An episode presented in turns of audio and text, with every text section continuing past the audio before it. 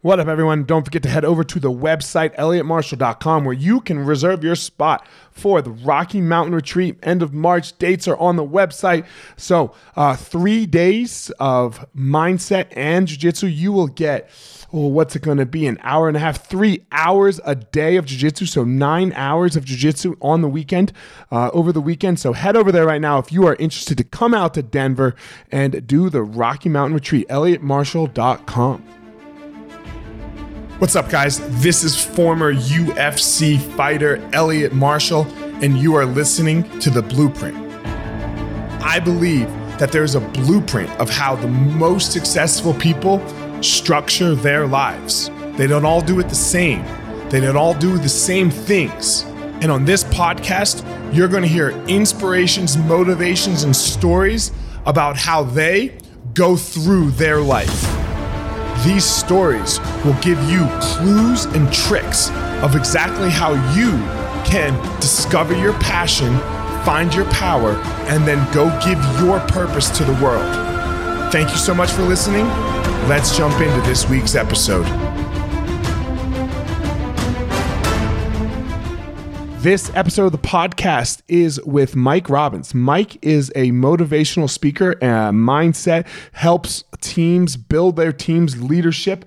And we talked about it for a touch, but really we talked about, um, you know, being the person that we want to be, how, how to show up as that person in the world, you know, and how we can do that in our lives, in our business life, and, and, and really just in every way that we can. And, and being okay with when we come up short and it was just a really great, heartfelt conversation that I really, really enjoyed. So without further ado, here we go. Mike Robin.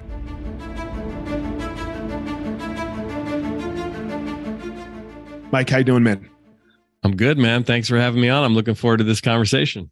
Yeah, I try not to be a whiny little bitch, and I started as a whiny little bitch. You know, we're we're going to the Nuggets game tonight. My family and I are, and we just got news that that LeBron's not playing. So uh, yes. I whined a little first. Sorry about that. Hey, it's all good. It's part of life, you know. Man, uh, I'm going to start just with this. Uh, some people notice it, some people don't. You said you love the posters behind me, uh, Martin Luther King and and uh, and Teddy Roosevelt. Yeah. Why do you love them?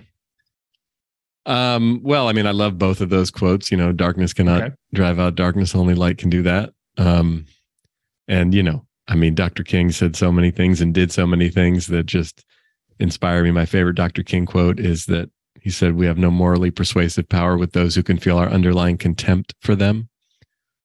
And I try to remember let's that. Dive, let's dive into that. Say yeah. it again.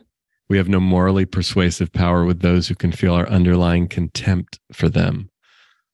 So I think about all the stuff going on in the world and the stuff that I get pissed about, or the stuff that I get self righteous about, or the things that I think are wrong. And I just try to remind myself what Dr. King was fighting for and what he was teaching and really saying like if you want to change people's minds and hearts you can't do it from a place of contempt even if you're justified in the contempt.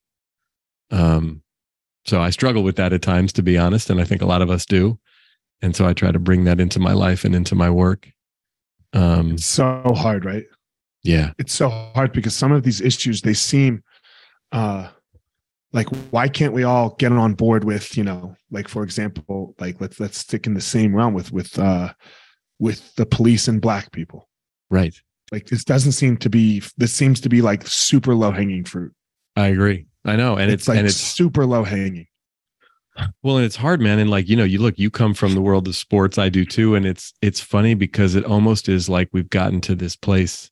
I mean, talking about the man in the arena, the other quote up there too, mm-hmm. we've gotten to this place where it's like it's tribal and it's like whose side are you on and whose team do you root for? You know you're going to the nuggets lakers game. It's like we're all wearing jerseys and we forget wait a second. You know i mean the most recent book i wrote is called we're all in this together. And i've been saying yeah. that for years when i talk to teams because like who's the them? I'm i'm not clear who the them is you know? And it's like all this us and them energy that exists so many places in our culture. And it just you know maybe it serves us when we're in a competition and it's one team against another team and you're trying to win a game or you're fighting as you did for all those years, right?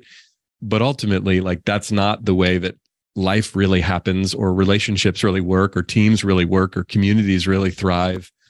Um, or even fights really work, man. I needed that other person.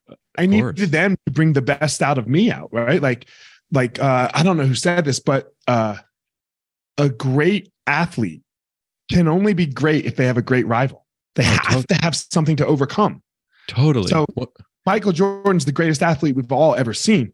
And he needed the Detroit Pistons. he did.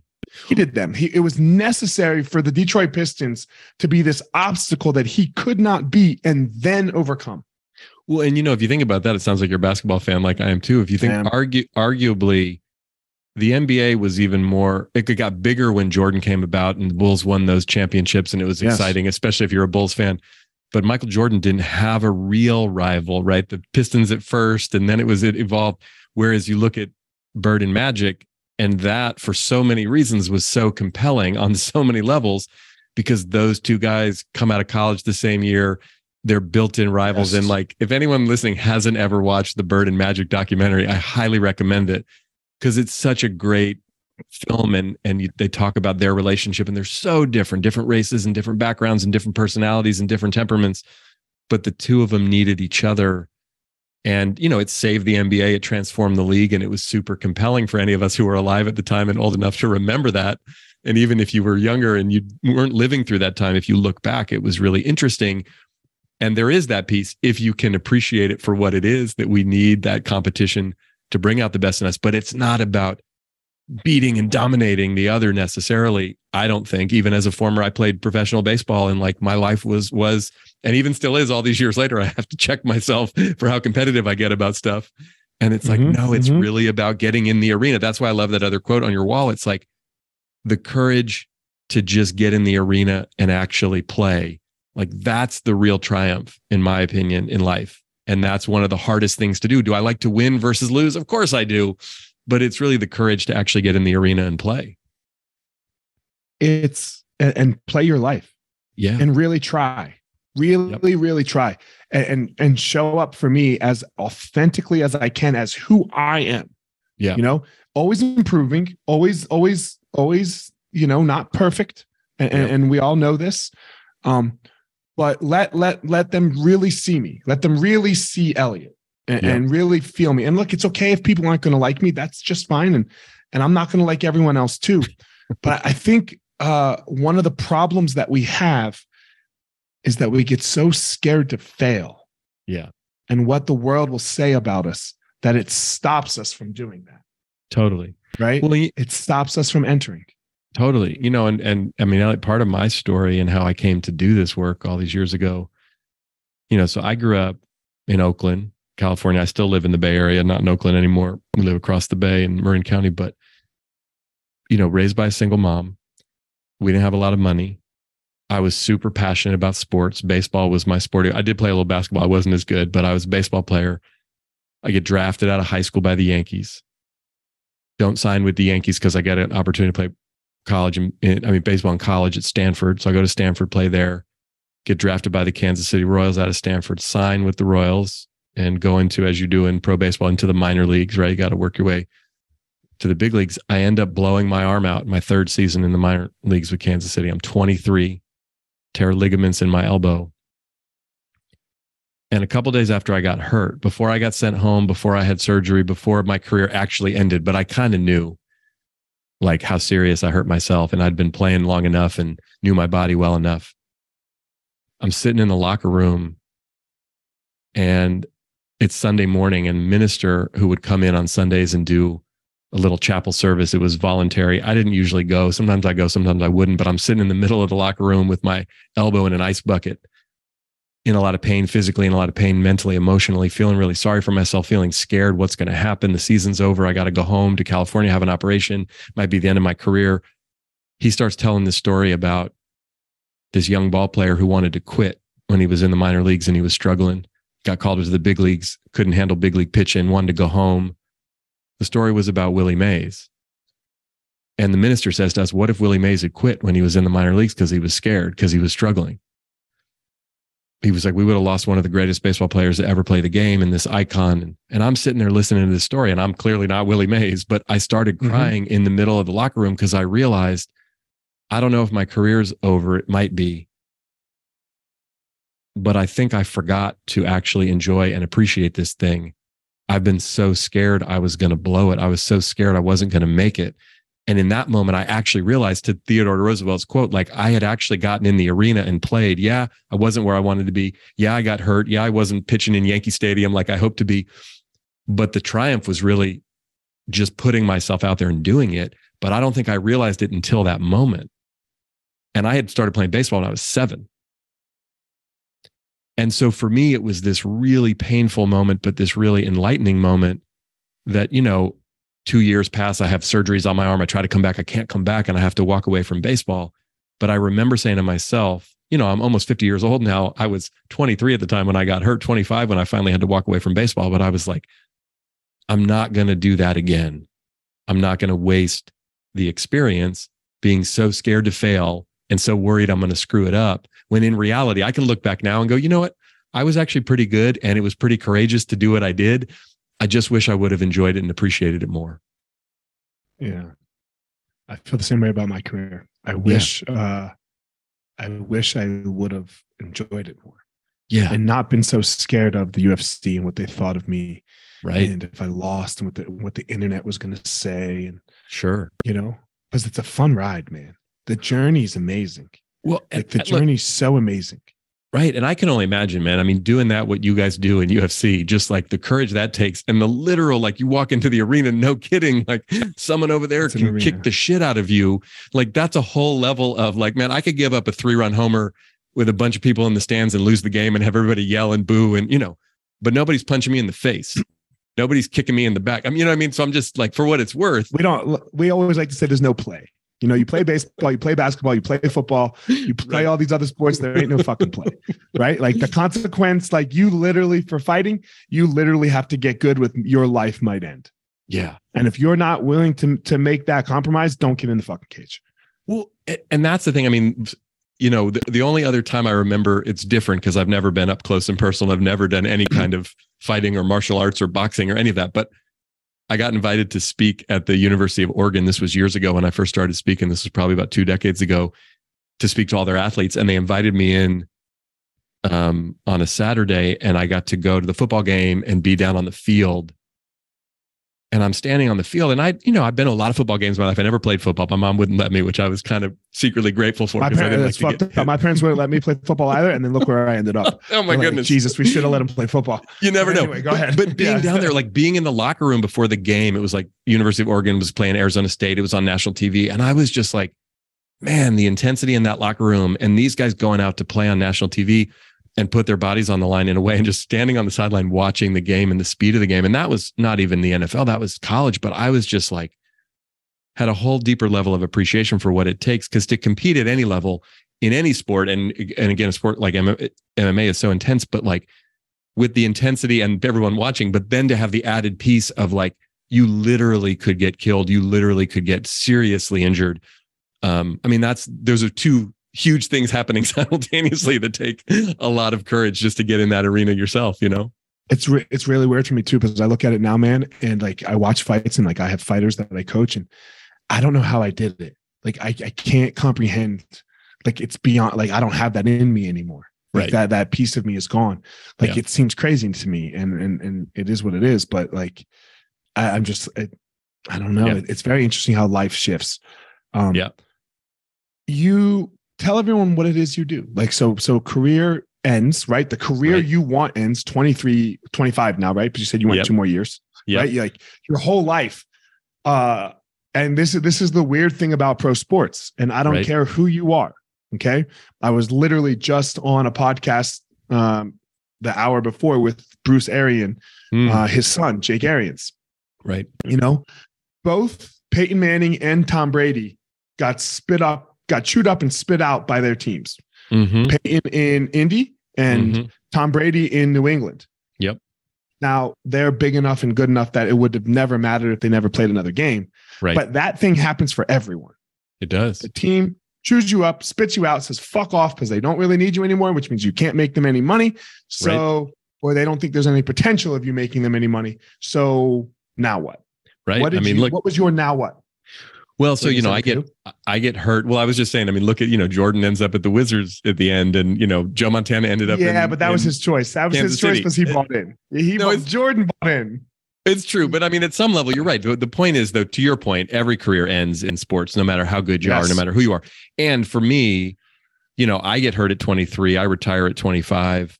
I don't make it to the big leagues. I don't make any money. I, you know, so there was a piece of it in practical reality. I had failed. I was disappointed.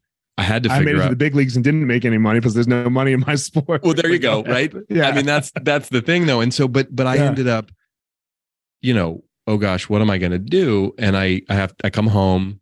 I grew up in the Bay Area, like I said. I I come back here. It's the late '90s at the time. I have to get a job to like pay the rent, you know, because I'm. Mm-hmm. So I get a job working in it for an internet company. Um, didn't have any idea, knew nothing about business or having a real job, or you know, I mean, even though I, I'd gone to college and gotten a degree, I didn't think about what came next after baseball. I really didn't. Um, so I get this job in sales, you know, online. It's a weird thing, Mike, because you can't. If you really right. want to make it, you can. Yep. You yeah. can't have a foot out the door because no. once you have a foot out the door, that's all out the door. Totally. You have to like burn the boats and just say, or, you know, whatever it is, let go Fuck of the it. whole thing. yeah, yeah, And then figure it out.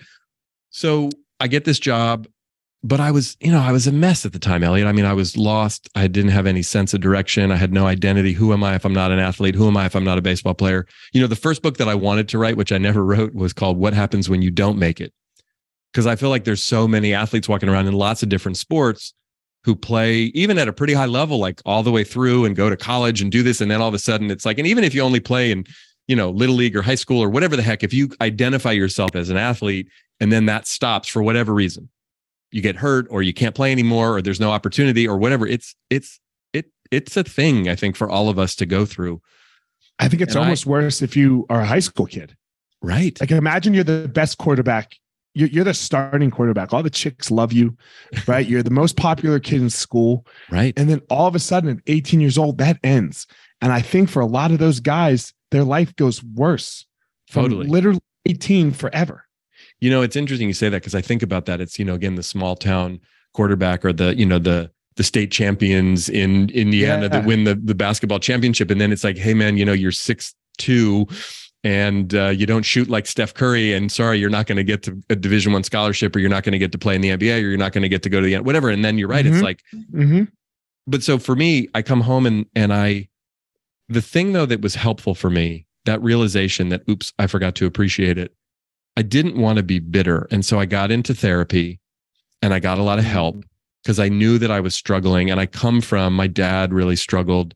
He had bipolar disorder. There's a lot of mental illness in my family. And I had struggled with some depression myself in college. And I was like, all right, I'm really disappointed that I didn't make it to the big leagues. I'm really sad. I don't know what the hell I'm going to do with my life. But I am not going to let this ruin my life. And I'm not going to be sitting at the end of the bar when I'm 50, 60 years old, talking about I coulda, shoulda, woulda, you know, I used to be somebody. Like I was clear about that.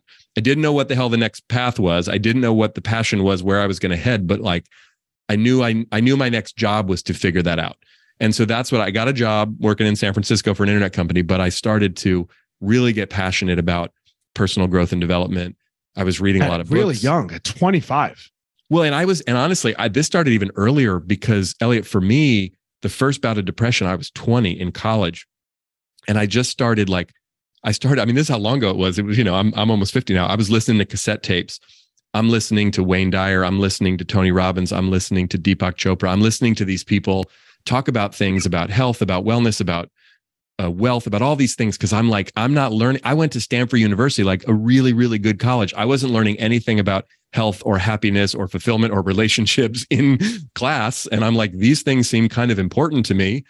Um, and I don't it's so fucked be- up, man, because they're the most important things. Uh, right. The, like, the, most important things. If you, because if you don't have any of those things, you can have all the money in the world and be as successful as you want. And great, you can fly on a private jet, but you're fucking miserable.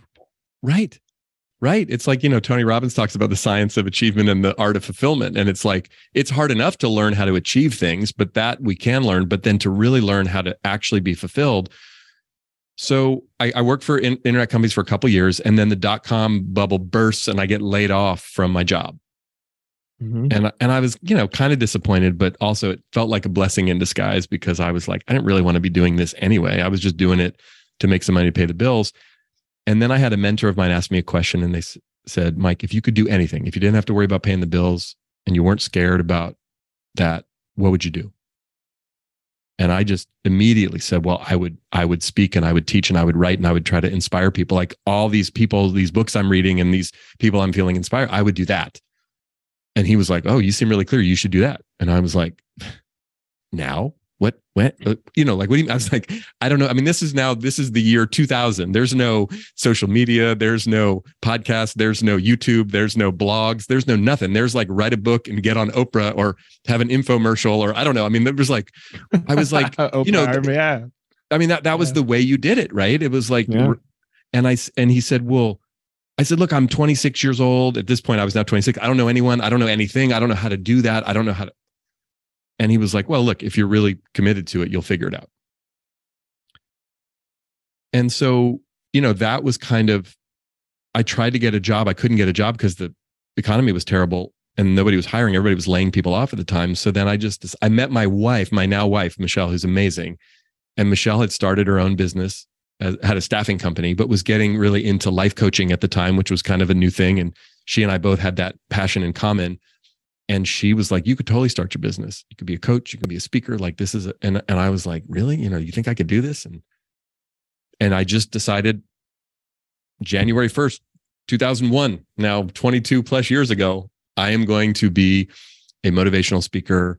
I'm going to be a life coach. I'm going to help people in whatever way I can. I don't know how but I'm just going to follow that until the world tells me I can't pretty much. Mm-hmm. that was the plan. And so i just you know i started talking at rotary clubs and at my old high school and wherever anybody would listen to me i would tell my story about some of what i'd learned as an athlete some of the things i learned being around some really interesting successful people and some great teams and some not so great ones. And i just started to kind of come up with ideas and and see if it would resonate with anyone to be honest with you. And you know i mean it was definitely lean and challenging at first elliot um, and I didn't know a lot, and I had no idea how to make money doing it and all of that. But in a relatively short amount of time, I was fortunate in that I knew some people from college. I knew some people from baseball. I live in a place here in the Bay Area. It's you know right close to Silicon Valley where there's a lot of interesting things happening, and a lot of companies started bringing me in to talk to their teams and work with some of their leaders and people about that. And it just sort of grew kind of organically from from there. And you know for the last 22 years i've written five books. Most of our clients are you know google and wells fargo and microsoft and these big companies that bring me in and i talk about leadership and teamwork. I talk about you know healthy ways to be competitive as you and i were talking about a few minutes ago. Yeah. Um and you know that's what i've been doing writing and speaking for a couple of decades. And i'm i feel really blessed. I, I love it it's uh you know like you I have a podcast. I mean it's just to get to share ideas and meet people like you and talk like this and do it for a living it's like i feel like i felt when i was playing baseball like they're paying me for this? Are you serious? Yeah. Man uh, i so love what you're saying right now man because i i just uh i refuse to do anything i don't want to do. Mm-hmm. you know? I, re- I refuse. I refuse. This that. life is too short you know my and like look you got to do a whole bunch of shit you don't want to do taxes right. and right you know answer emails that you don't want to fucking answer but like on, on a macro scale yeah i'm not doing anything i don't want to like yeah. it's just not fucking happening because it can end tomorrow one two i love relationships you know love them and i, yeah. I love my people so i want to do my thing with my people and, totally. and that's it so um right. when, you talk about this leadership thing though mm-hmm. um i am a believer that this is our number one problem in the world, mm. specifically coming from males. Yeah. I think we're doing a terrible fucking job. And I don't believe in toxic masculinity. I mm. don't believe that's a thing because I believe that I believe in the behavior that they're describing. Sure. Right. But that ain't fucking masculine. No. You know, that's not masculine. So don't call it toxic. Don't say, hey, that's just bad masculinity. No, right. that's just called asshole. Right. or whatever yeah. else you want to call that. Right. You know? But I am a believer in like, yo, we got to do hard shit, and it ain't easy. Like I, am okay with, you know, I, I, don't want participation trophies, and I don't want any of that shit. You know, I, yep. I think, uh, I think that's made us soft. I think that's yep. definitely made us soft. But at the same time, our men, we we got to step up like real, like real fucking leaders in the world, and we are not doing that, in my opinion. I agree with you, so man. What, and I what, think how do we how do we change?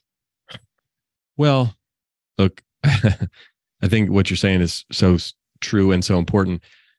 I mean, my sense about it is I think a lot of the problem is there's so much fear. And as men, we haven't been raised or trained to know healthy ways to deal with our fear and and other emotions right i mean you and i are both taught and we're still teaching our boys this even though we're getting somewhat better boys don't cry suck it up be a man you know the whole sort of i mean look and you come from the world of where you got to be tough you got to be strong like you're literally fighting for your life and i think of all those years and all those locker rooms that i was in and look not every man plays sports not every man um, is raised to then get in competitive environments like that. But that's sort of seen as the alpha male model. And you think of even business, it's like the more you make, the more you do, the more you have, the better. It's like all of this. It's it's sort of theater of what it means to be a man instead of the reality of what it really means to be a man. And some of us, like me, I was I literally wasn't raised by a man. I was raised by my mother, who was amazing and strong and like to this day, my mom passed away 11 years ago, and I think about her all the time. And I don't know how the hell she raised two kids as a single mom. Like my wife and I look at each other, and we're raising two teenage daughters, and at times really struggling and looking at each other, going, mm, I don't know. And I think about my mother who was doing it all by herself with no money and just making it up in the 1970s and 80s when, you know, there wasn't a lot of compassion or empathy or awareness for single moms. Single but moms. But but so i mean so many of us as men so what i've had to do and i think a lot of men even if you have healthy male role models in your life what do we do? We make it up as we go. And you're supposed to know and you're supposed to act like you're tough and you're strong. And you know i mean i learned as a kid i wasn't i wasn't good at fighting i was good at talking and i was good at pretending like i was tough enough to get out of most of the fights. Because if someone really took a swing at me and hit me like that was going to be a problem. So i had to figure out but again it was all fear based and then we've created all of these behaviors and all of these ways of being in the world that aren't healthy and that aren't good leadership but we've sort of gotten away with and this is where we are. Yeah. I think i don't know you tell me what you think for me you know what got me out was figuring out because I, I had a uh, I, I, was forced into personal growth. Mm. Right, I, I, it was forced upon me mm-hmm. by the world, uh, by all of my fear and anxiety and insecurities, r- cracking me and breaking me and saying, "Now yeah. you're going to deal with me. You can't run anymore." Yes, you know. So it was yeah. forced upon me, you know, and yeah. And what I came to was I just had to figure out who I was. Yeah. And then once I had that, once I had like what I like to call my pillars of things that I could stand on, and I knew that they were always true, uh, then I then I could really go out in the world and, and give what uh, the world needed of me, yeah. and then get so much back in return. Yeah. So I just think a lot of people don't know who they are, and, and they're and they're and they're scared of who they are. Yeah. Well, and it's I think that's true across the board, and I think specifically, look, I mean, you know, not all men are the same, of course. However, mm-hmm. I do think we get socialized in a way that it's not encouraged or doesn't feel that safe for us to ask for help, for us to say, I'm struggling or I don't know who I am or I, I don't know how to do this. Um, I was, I mean, just to, I'll give you an example. Just today in my life, right? You know, I'm, I'm about to turn 49 years old. I've done a lot of work on myself. I've never been very handy around the house, right? I'm just not that good at like fixing things and building things. I feel and, you, baby. Okay. I feel you, baby. And um, and so I've had to get over it with my ego. And like now I'm fortunate enough that we can, you know, hire people to come over and do stuff. But I have this yeah. moment when some dude shows up at my house to like do something or fix something. I have this insecurity that still lives for me that this dude is looking at me like, dude, why don't you step up and man up and take care of this for your wife and your family? Like, why are you paying me to do it? Now he's probably not thinking that. He's probably like grateful for the work. But my little sure. insecure brain is like, I'm like telling the guy today, well, you know, man, I'm, just, I'm not very good at this. I was trying to be honest about it, but I noticed as I'm doing it, I'm laughing at myself because I'm sort of telling this guy a story. Like, listen, my dad wasn't around when I was a kid, and he doesn't need to hear my whole psychobabble. But in my mind, there's still this part of me that thinks like I'm not a real man because I can't fix this or do that in my own house. But again, I have enough awareness and enough compassion that I can see the pattern at play but there's so many things like where did i pick that up why can't i just say like hey you know what that's just not one of the things i'm good at who cares who cares Yeah. Like my wife is not my wife is not over there. Michelle loves me. She's not judging me, going, You're a loser. I hate you. You're a terrible father. Look, mine, mine is, mine is judging me because she can fix everything, and she wants me to learn how to fix shit. And I'm like, no, babe, I'm gonna make enough money at what I'm really good at There to you go. fucking pay someone else. Yes. You know. yes. But I feel you. My thing's different. My thing's being fat. Mm, Like I always think I'm fat. Like mm. I'm not fat now. I wasn't fat. You know, I was fat as a kid a little bit, and and part. You know, so it's so interesting how we each have these different struggles, but. Right. Like I think one of the things is is like, look, we're not on here complaining about it. no. Like I, I don't want you to do anything for me that I think that I'm fat. Like, um, but to hear that other people have problems and issues, and that they're that that will bring us together a little more.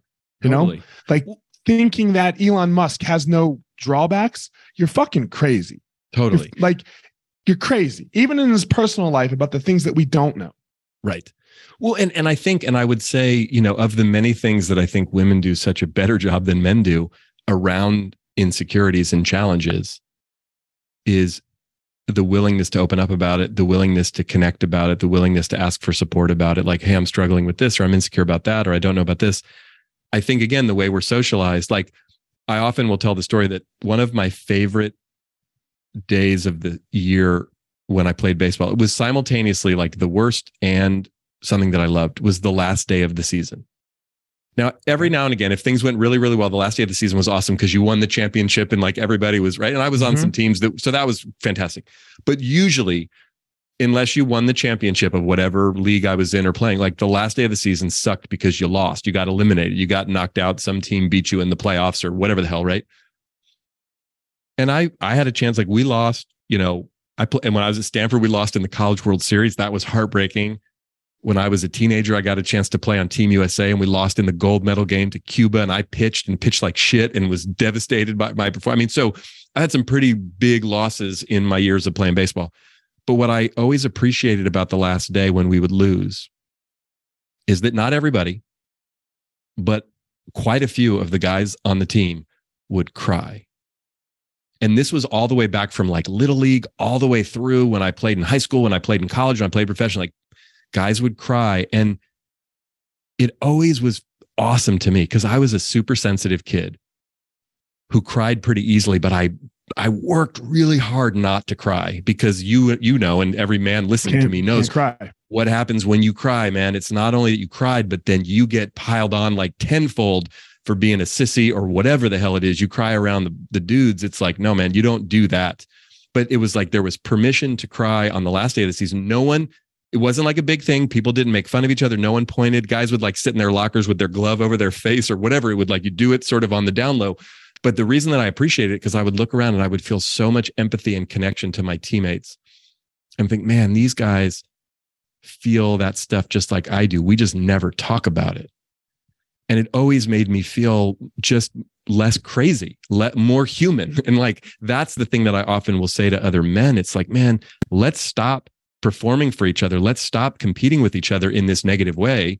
To the competition you and I were talking about earlier, let's bring out the best in each Right. other. Absolutely. I'm not talking about being soft, but let's also remember, like, man, whew, when I'm struggling as a dad, when I feel like I'm screwing up and I don't know what to do, and like raising teenage girls is kicking my ass, one of the best things that I do is reach out to some of the men in my life who I trust, especially the ones who are a little further down the path than me on the parenting side. And I'm like, man, I don't know what the hell to do right now. This is so hard.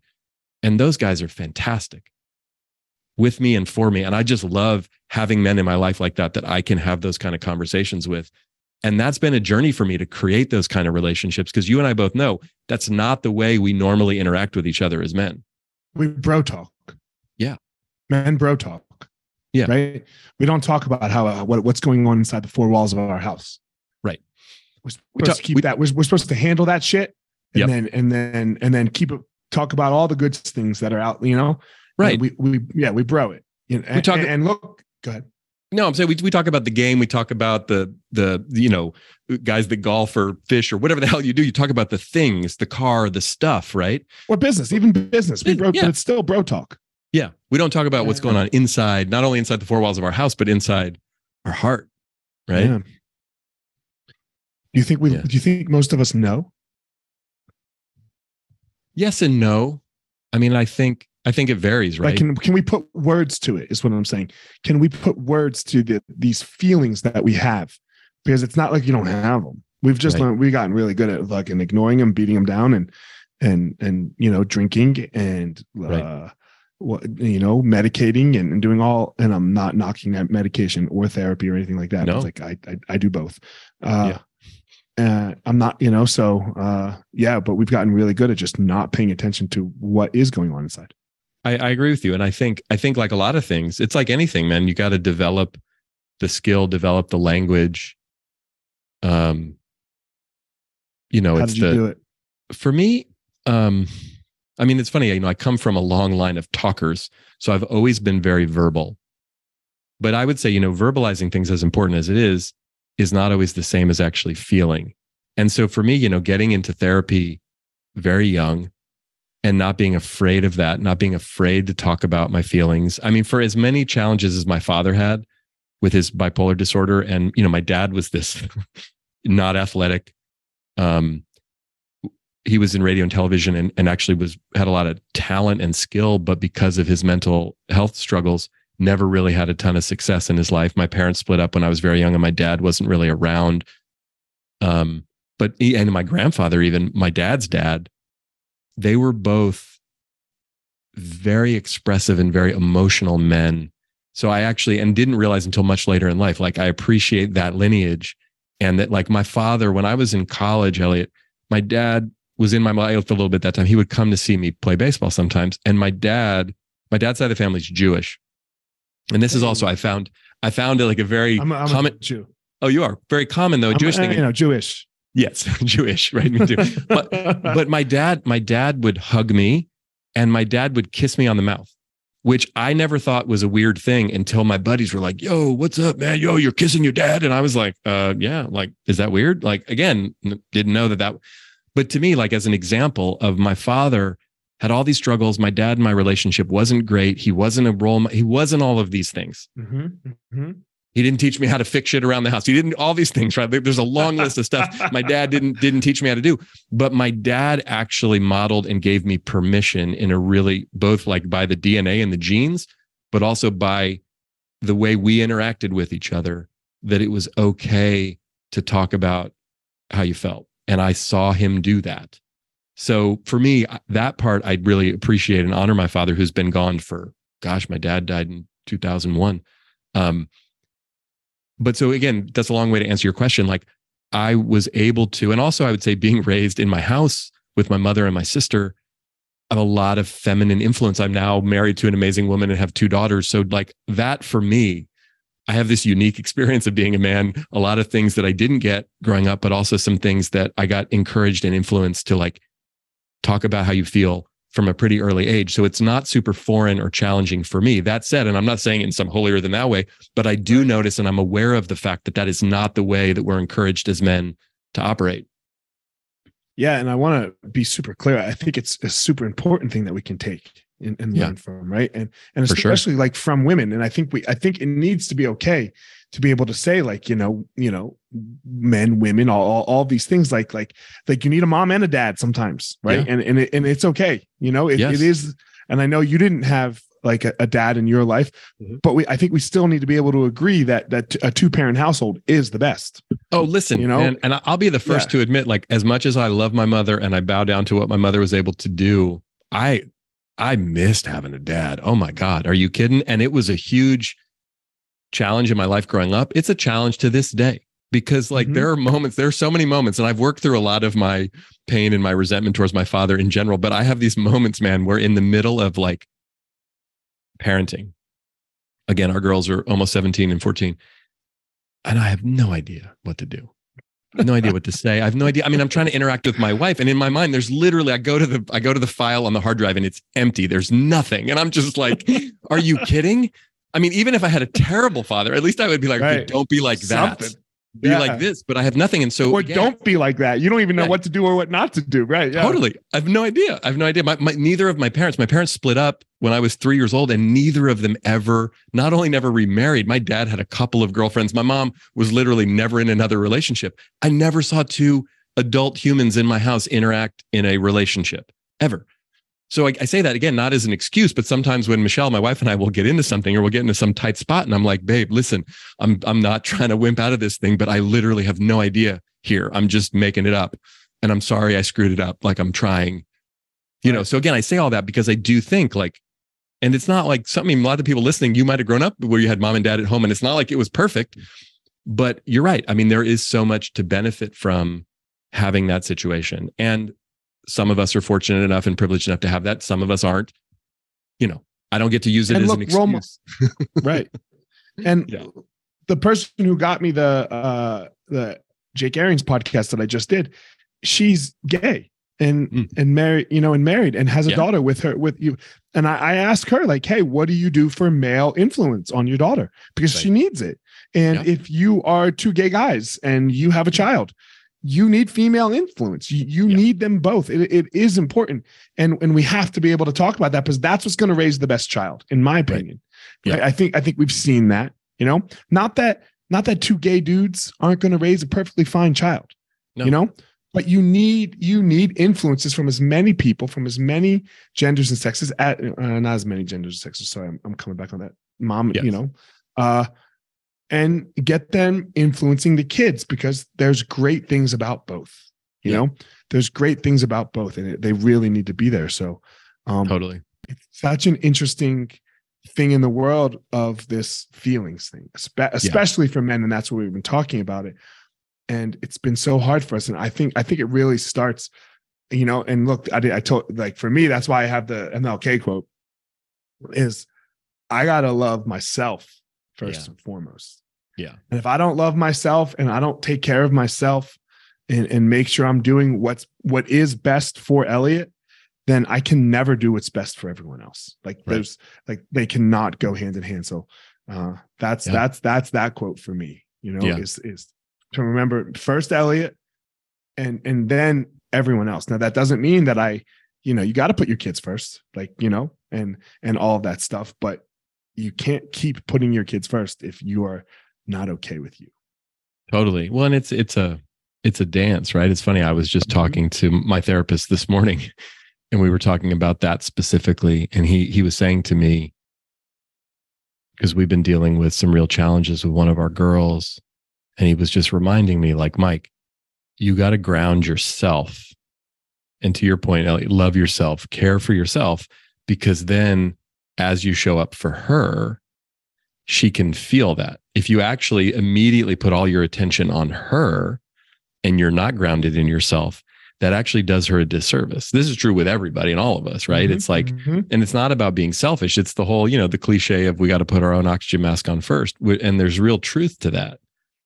You know, I think about even in my work, like oh, I go out into the world like you do, and I'm trying to inspire people, I'm trying to motivate people.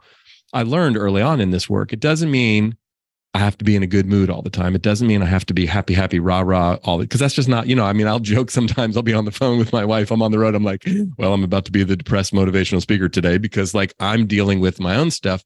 But what I've learned is I have to somehow sort myself out and be grounded within myself before I get up on stage or get on my podcast or anywhere intending to try to influence other people. I don't do it from a place of like, hey, I'm perfect, follow me, because that's not true. I do it from a place of like, I'm real. And the audience doesn't necessarily always need to know all the crazy shit that's going on in my head necessarily. That may or may not be appropriate. Sometimes it is, quite frankly. Sometimes it's not.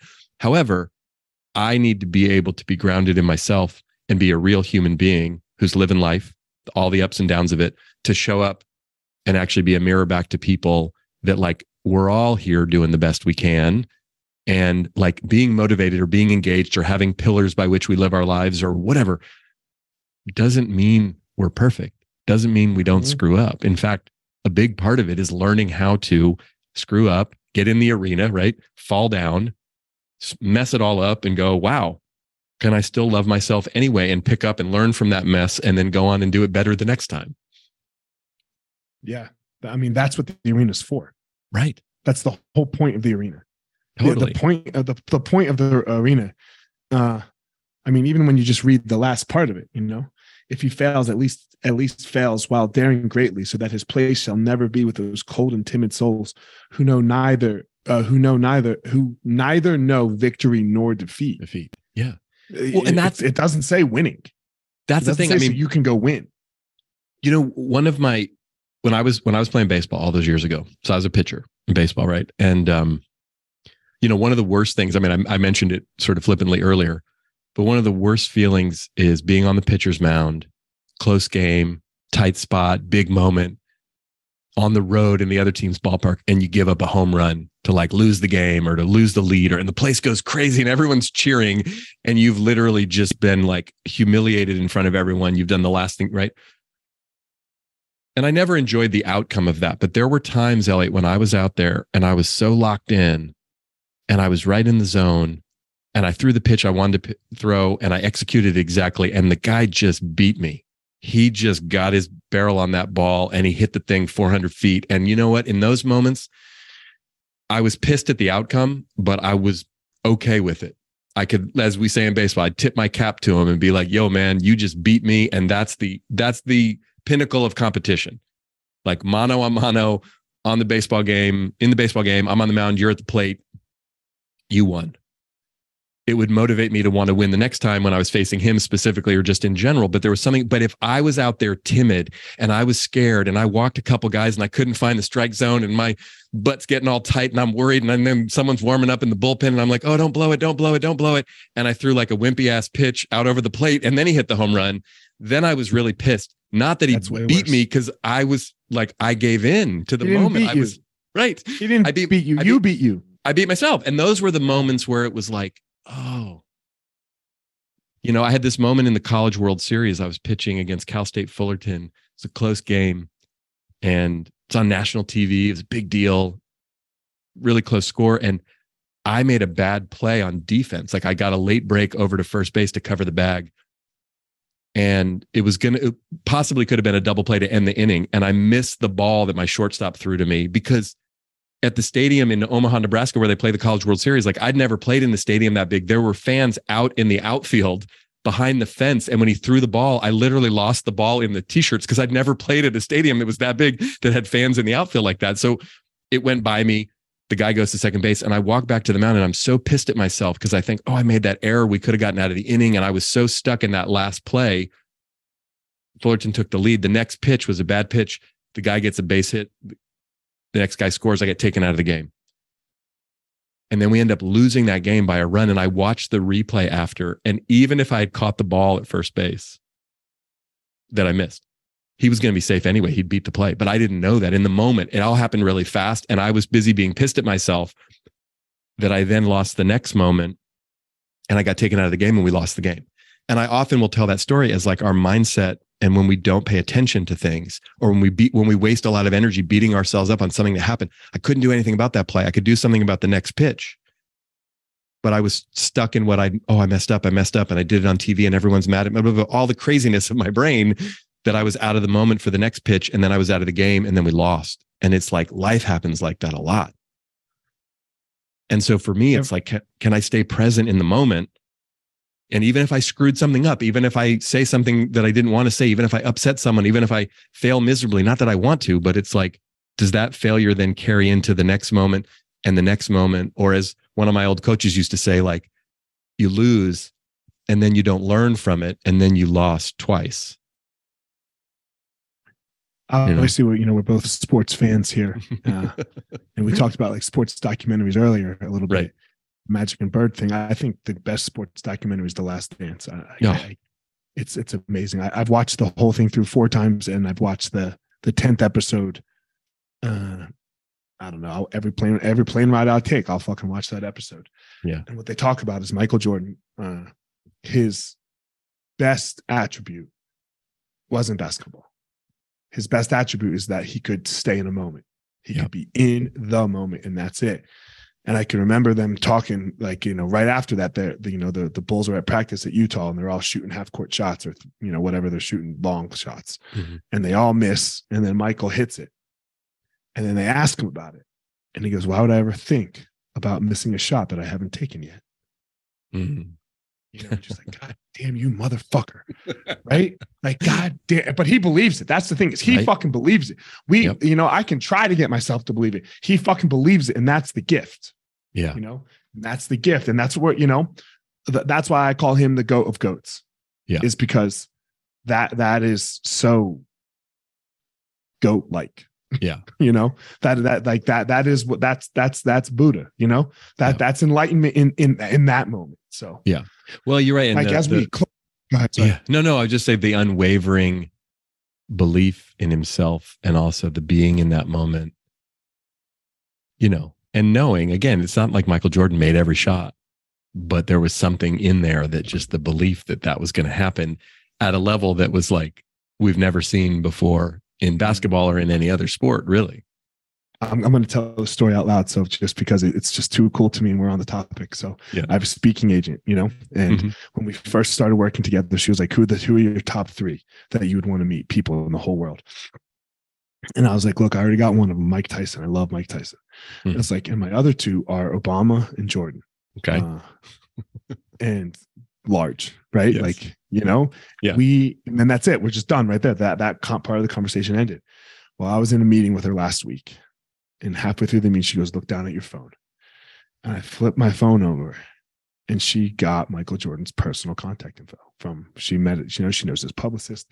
And now like we're trying to do a podcast, like they're, they're working on it. And I'm Oh. like, like, and that's just like the, like, I won't even save the phone number, bro. Like it's still just as a text message, I hear you. Wow. you know, That's so because cool. he's he- like that conversation. I don't like, I, I'm going to air it, but I don't even know if I would air it Mm. because I just want that for like, in a way for me, right? Because like, Yeah. like I'm definitely airing it. So if, if I ever got that, it's going out to the world. good, good, good. Yeah. Everyone listening is like, yeah. everyone listening is pissed. Like, you better air that thing. Yeah. you better air it. Yeah. And it's just one of those things because that guy was amazing. Yeah. You know, and what he did. And it had a cost, you know? Yeah. Yeah. It had a cost. So let, let's realize that as well. Right. Like to be that amazing at one thing in particular, there's going to be a massive downside on the other side of it. Sure. You know, uh, family, person, like human in general, probably. But Yep. uh we we moved on past all of that because how great he was. And Yeah. and we all want to talk to him. Totally. We all would love to have a, just a touch of that. So Yeah. um as we close, I always like to ask two questions to, to Yes. wrap it up. Um this podcast, it won't get you another speaking gig, right? You will make uh uh may, maybe one book will be sold, you know, Okay. possibly, you know, uh Maybe let's root for two. yeah, let's go for two, you know. So it won't really change your life that much, you know, in in in- in the sense of like anything monetarily or business wise or anything. Uh, you're a busy guy. We're all busy. Everyone's busy. Why take an hour out of your life to go on a podcast to some dude that you never met before that really won't bring that that most likely won't bring you that much? Um, well, first of all, you asked, And even 22 years into doing this, like I never take that lightly. I'm just honored and humbled when anyone asks and is interested in hearing my story, my ideas, my beliefs, what I think. And secondly, I always check things out, or we check things out that come in requests. And even though I didn't know you, just clicking on your site and looking at what you were doing, like I resonated with it and just said, let's do this because I had a sense you and I would connect on some different topics and it would be a good conversation. And I'm glad to say I was right. so thank you for thank you for reaching out. And I'm grateful that we've had this conversation.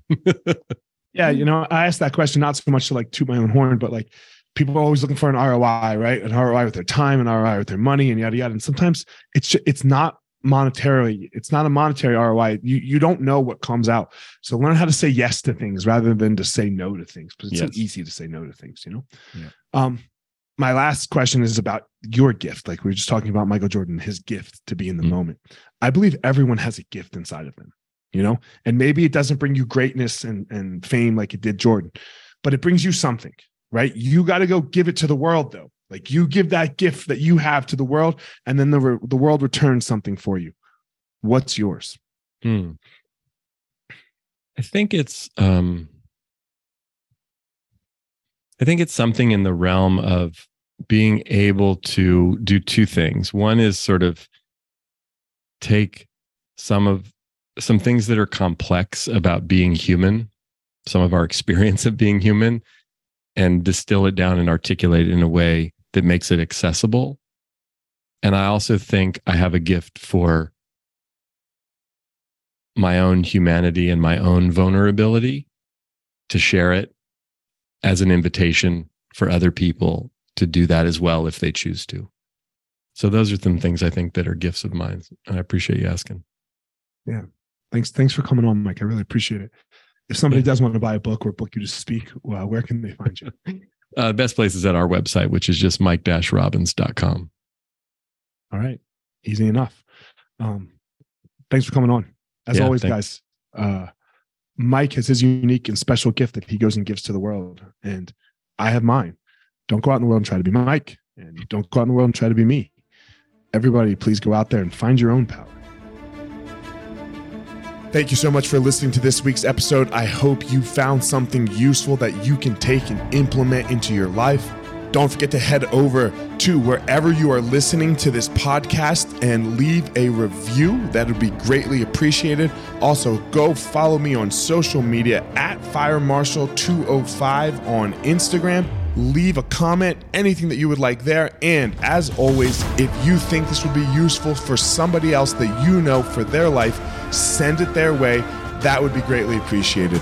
That's it for this episode, guys. I hope you all have a great day and you go step into that power so that you can give your purpose to the world.